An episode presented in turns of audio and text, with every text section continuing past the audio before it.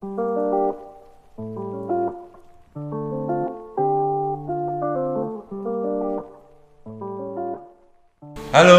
Sobat Hidayah Tuna, kembali lagi di acara Dialog Hidayah Tuna atau podcast atau yang ngobrol santai.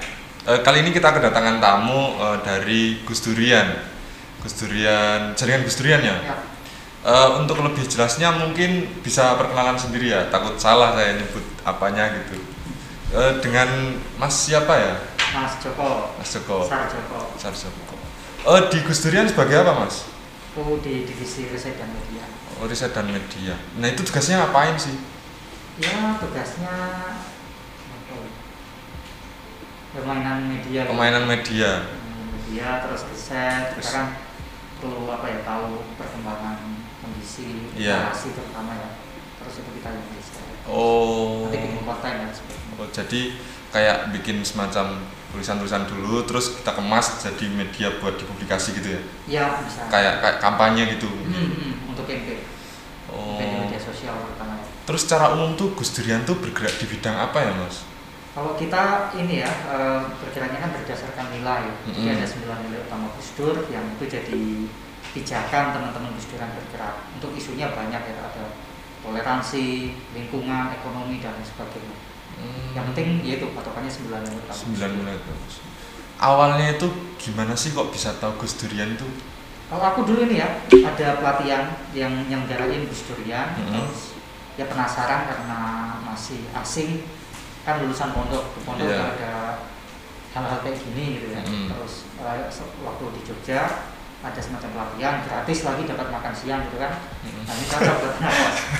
Udah ikut aja. Udah ikut aja. ah, habis itu kok cocok kumpul sama teman-teman terus setelah pelatihan juga masih sering kumpul-kumpul akhirnya ya eh, jadi bagian dari Jadi komunitas dari- Durian.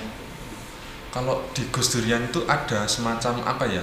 Tingkatan-tingkatan itu enggak sih mas? Maksudnya dari Tingkatan- anggota terus jadi pengurus. Sekarang kan Enggak. maksudnya pengurus kan istilahnya atau istilahnya gimana? nggak pengurus sih jadi di Gus Durian itu kan beda sama organisasi kebanyakan yang Mm-mm. ada apanya ada PP PW Iya, struktural kita nggak gitu. ada. Ah, kita itu strukturnya sangat cair jadi Hmm. sekretariat nasional itu bukan PP Mm-mm. dia itu justru jadi pembantu komunitas-komunitas ini untuk saling menghubungkan itu Oh. jadi ya dulu kalau aku itu di komunitas. Sekarang di seknas itu ya jadi penjahitnya itu tadi jadi penjembatan gitu ya? ya semacam eh, yang menjembatani Ya komunikasi antar komunitas dan seperti itu jadi bukan sifatnya nggak ada instruktif dari PP ke PW nggak ada di Gus Dur nggak ada Nah tadi kan ada sembilan nilai Hmm. itu sembilan nilai inti dari Gus Dur ya. Menurut Mas Joko itu eh, yang Gus Dur itu seperti apa sih? ya seperti itu Sangat gitu aja kok repot ya balas jawabannya. ini nggak karena kan Gus Dur itu kan macam-macam ya orang Iya. melihat Gus Dur itu setiap orang punya kesan masing-masing Iya punya kesan masing-masing. kita sebenarnya nggak bisa apa ya kalau aku mandang Gus Dur karena perkenalanku dengan Gus Dur dulu itu nggak terlalu panjang paling Iya. mentok eh, kenal Gus Dur karena liburnya jadi lama waktu idul ini ya waktu puasa Iya. Mulai satu Ram- sebelum satu Ramadan bahkan udah udah libur sampai tanggal 10 Syawal kalau nggak salah Oh. udah masa kecil mengenal Gus Dur itu dari liburannya tapi setelah ke sini baca-baca tulisan Gus Dur Iya. dengar cerita tentang Gus Dur ya kita aku sendiri jadi ini ya mengenal Gus Dur sebagai tokoh kemanusiaan kita Tokoh kemanusiaan gitu ya rujukannya. Yap, sembilan nilai itu kan yang paling atas itu kan ada prinsip apa eh, nilainya itu ketauhidan, Mm-mm. terus kemanusiaan, keadilan, kesetaraan dan yang terakhir nanti kearifan tradisi. Jadi itu yang jadi apa ya yang bisa menghubungkan antara teman-teman Gus Durian dan yang satu dengan yang lain. Sembilan Gus Dur. Eh, pastikan kalau kita bahas Gus Dur itu kan Hmm. banyak kisahnya kan. Ya, Nah, salah satu kisah yang paling berkesan banget buat Mas Joko itu apa? Dari Gus kesan. Dur. Kisah-kisah. banyak ya kisah Heeh. Gus Dur yang paling yang berkesan. Heeh. Ini yang paling berkesan susah nih, karena semua berkesan. Tapi gini, em, aku pernah suatu saat eh, main ke daerah Kedung Umbu di. Sragen Oh. ya yang Seragen Boyolali Gerobokan asal di tiga kabupaten itu waktu itu aku di tempat yang masuk ke kabupaten Seragen itu kondisi jalannya sangat luar biasa susah Mm-mm. kita waktu itu pakai Innova aja masih kesulitan untuk menembus eh, medannya karena masih bebatuan dan ya nggak ada pembangunan di sana Oh, sampai iya. aku sama teman-teman mikir oh ternyata Jawa itu masih ada yang kayak gini ya Mm-mm. kalau misal itu terjadi di tempatku di Riau sana ya itu kayak masih wajar karena ya di sana masih masih tergolong perkampungannya itu banyak yang baru gitu ya tapi ini Jawa yang Notabene. ya notabene udah sangat seperti ini Iya. kalau kita melihat Jawa ya melihat Jakarta Ya. lebih maju gitu katakan. ya lebih pembangunannya lebih Iya. masif lah nah itu ada tempat yang dari jalan utama ke pedesaan itu sekitar satu setengah atau dua jam Hmm. Padahal itu jaraknya nggak terlalu jauh sebenarnya karena ya Kedung Ombo kan bisa kelihatan dari mana-mana. Iya. Untuk masuk ke akses desa sekitar situ itu sangat susah. Nah, kita ketemu sama eh, korban pembangunan waktu Kedung Ombo. Jadi dulu itu ada masalah pembangunan itu karena ya bisa di googling lah masalah di Kedung Ombo itu seperti itu banyak orang.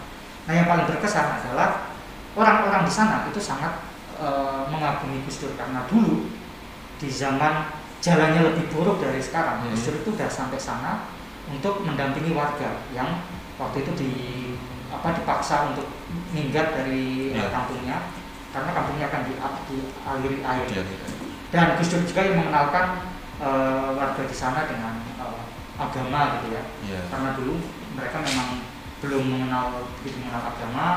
Terus ya waktu itu Gus Dur dengan banyak eh, pemuka agama lain Mm. itu berunding. Ini kira-kira orang-orang di sini tuh mau diajari seperti apa? Waktu disurvei ini lebih dekat dengan Islam. Ya makanya mereka eh, jadinya lebih dekat dengan Islam dan eh, Gus Dur membangun musola juga beserta Romo beserta Bante dan sebagainya nah ini di sana ternyata di sebuah perkampungan yang sangat dalam keberagaman itu di, ditunjukkan dengan Iya. begitu indah ya maksudnya kayak kenapa Romonya nggak iri oh Kristen aja Oh. kok Bantenya kok nggak Buddha aja ya mereka menyerahkan sepenuhnya dengan masyarakat Mm-mm. ketika eh, lebih dekat dengan Islam Islam yang ini ya yang eh, bisa mengakomodir kegiatan-kegiatan selamatan dan sebagainya nah mereka akhirnya sampai hari ini Sampai itu hari ini. eh, di apa yang eh, corak agamanya Islam Berarti dan di sana ada jembatan Gus Dur di, di ada ada namanya gitu. ya Buat karena rasa terima kasih rasa terima kasih. Jadi kembali istilahnya apa ya? eh, membebaskan masyarakatnya untuk memilih gitu ya. ya eh, ya salah satu ya, membebaskan mereka untuk ini kira-kira Hmm. Nyamannya di mana karena sangat dekat dengan uh, agama Islam yang Hmm. bisa menerima uh, apa tradisi-tradisi mereka Ya. akhirnya mereka Nah dari sekian banyak kisah Gus Dur itu hmm, yang yang relevan patut kita teladani untuk ke depannya itu apa mas? ya semua kisah yang betul dipelajari Iya, yang ya sekiranya yang apa ya, sekiranya mampu atau relevan bagi generasi kita selanjutnya kalau mungkin. Gus Dur itu kan gampangnya gini sekarang kan kita nemuin banyak orang yang mempermasalahkan identitas politik Iya. identitas agama gitu ya sebenarnya kalau Gus Dur itu mengajarkan kita untuk untuk bersikap santai gitu. bersikap santai ya beragama itu tajamnya ke dalam artinya Hmm. untuk diri kita tapi untuk ke masyarakat kita mestinya nih bersikap eh, biasa-biasa aja Ini disclaimer ini untuk semua agama kan? Untuk semua agama Untuk semua agama. asal semu, asal wajar saja asal wajar gitu Oh iya. kita kalau beragama kayak gitu dan Gus Dur itu mengajarkan kalau kita itu dalam menyampaikan sesuatu itu mengukur baiknya bukan Baik. benarnya dulu Oh. karena yang benar kan belum tentu baik Iya. tapi kalau yang baik eh, ya semua orang itu bisa menerima kebaikan gitu. Iya. makanya ketika dalam dialog-dialog agama semua orang kan agama Islam agama Kristen agama macam-macam kan punya kebenarannya masing-masing Mm. Nah, itu nggak mungkin bisa ketemu kalau kita Iya, masing-masing mengklaim kebenaran. Tapi kalau mau kebaikan, ya semua orang pasti bisa menerima. Nah, nah sekarang kondisi bangsa kita itu masih susah banget berlaku apa ya e, menyampaikan kebaikan. Kebaikan. Mo- Motornya kebenaran aja. Contohnya kebenaran. Iya, memaksakan kebenaran. Lebih lebih apa ya? Lebih banyak ke menghakimi mungkin. Ya, menghakimi. Ya karena itu merasa benar dan mereka harus menyampaikan kebenaran itu dengan cara memaksa. Akhirnya masing-masing punya kebenaran. Ya tawuran jadinya kan nah itu padahal kan ada istilah itu ya apa semua agama itu baik tapi ajar semua ajaran Eh, agama itu pasti ya baik. ya cuma kebenaran itu kan tadi kembali ke masing-masing gitu ya Kembali ke masing-masing. terus untuk apa ya untuk mungkin istilahnya kalau jangan terlalu sepuh ya. Untuk pesan aja lah pesan bagi generasi selanjut selanjutnya itu loh. Mhm. kan sekarang di negeri ini kan masih istilahnya kalau ada orang bilang kan kurang dewasa dalam beragama atau apa gitu. Ya enggak kurang dewasa juga. Kita udah beragama kan udah bangsa Indonesia kan bangsa yang Hmm. beragama yang religius lah sejak awal sebelum kita mengenal apa ya di kalau kita baca sejarah kan dulu namanya agama agama itu pakitayan terus Oh. dan lain sebagainya dan sebagainya sampai masuk agama Islam Kristen dan lain sebagainya ya apa pun agamanya sebenarnya di masyarakat kita itu bisa diterima selama mengandung nilai-nilai kebaikan nah hari ini kita itu kan seolah gontok-gontokan ya karena iya eh, kita mengklaim kebenaran kita itu paling paling Paling benar. ah, paling benar yang lain salah sehingga orang yang disalahkan pasti nggak senang kan Kok- Mm-mm. kok iso aku disalahke pasti dia akan Iya. berontak akhirnya jadi gelut itu tadi ya pesan kalau di, di- disuruh pesan-pesan kayak gitu ya ya kita mengembalikan percakapan sosial ini kepada percakapan yang baik-baik saja Hmm. nggak harus melibatkan kebenaran di sini ya karena kalau kita selalu ngotot soal kebenaran nggak ada temunya ya nggak ada titik temunya Iya. padahal kan eh, semakin berbeda kita kata Gus Dur kan semakin berbeda kita semakin ki- kita tahu di mana titik persamaannya nah kita ngomong yang sama-samanya aja nih oh yang iya sama-sama kan baik-baiknya iya misal kita sama-sama eh, setuju kalau penindasan terhadap kelompok marginal itu eh, Tidak apa, baik. ti- tidak benar Ya, tidak benar Ah. Kalau itu kan eh, kebenarannya universal ya. Iya, Masa universal. orang ini kita ngomong benar.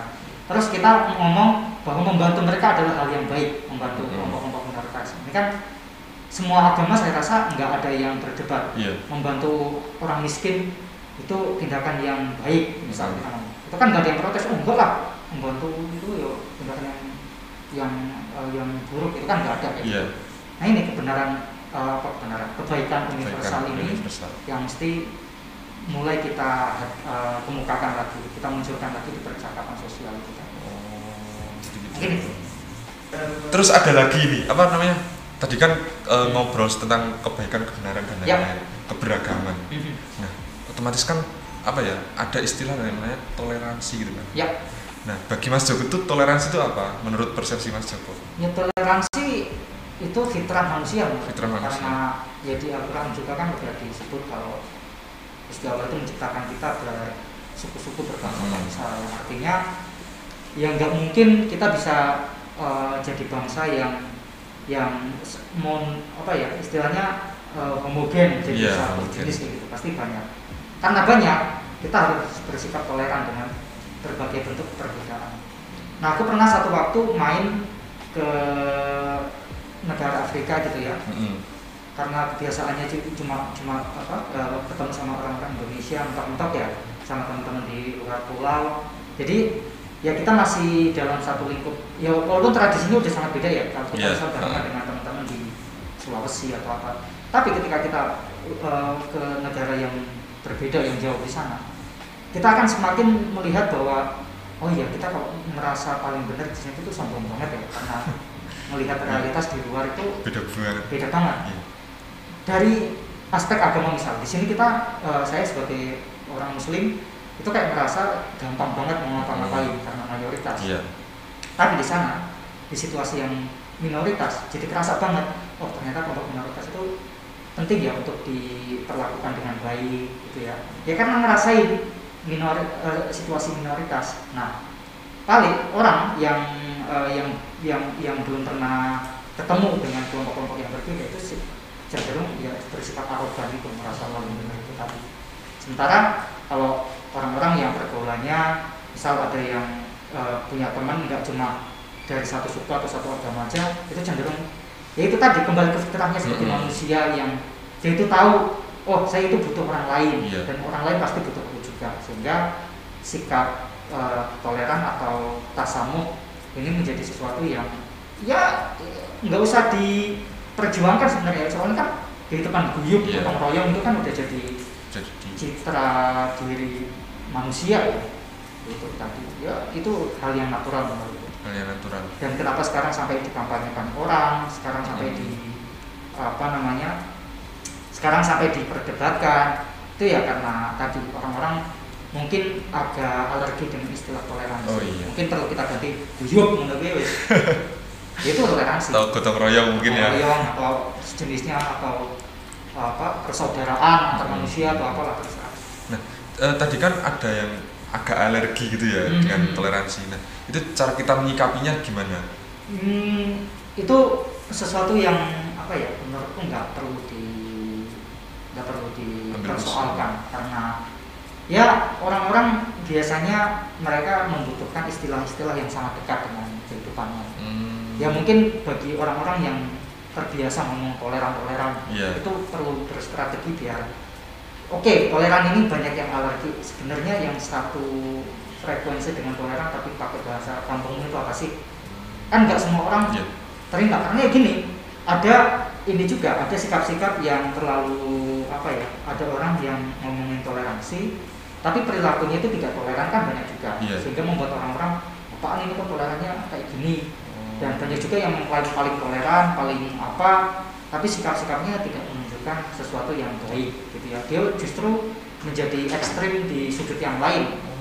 Ekstrim kanan dan ekstrim kiri kan sesuatu yang membahayakan Iya. sebenarnya karena mereka terlalu yo ngotot kayak gitu. Padahal kita ya tadi ya dari awal dalam hal apa pun beragama atau apa pun kita eh, semestinya asal wajar aja asal wajar saja. Asal wajar saja. nah, itu perlu mungkin perlu strategi ganti istilah gitu Ya, Jogja mungkin. guyup gitu. Itu Atau toleransi. kolaborasi, bekerja sama mungkin Ah. atau ya saling istilahnya. ya gitu itu soal politik bahasa juga sih soal politik bahasa. Aku takut kalau ngomongin politik ya. Karena masih awam banget sih. Eh, mungkin itu saja ya. Eh, kalau dari Mas Joko kembali lagi untuk pesan-pesan tadi tambah ada tambahan tidak kayak kita harus lebih toleransi atau apa dan sebagainya. Dalam menyikapi orang-orang yang notabene alergi dan lain-lain gitu. Itu. Ya aku kemarin baca tulisannya Mbak Lisa yang terbaru yang judulnya menghakimi.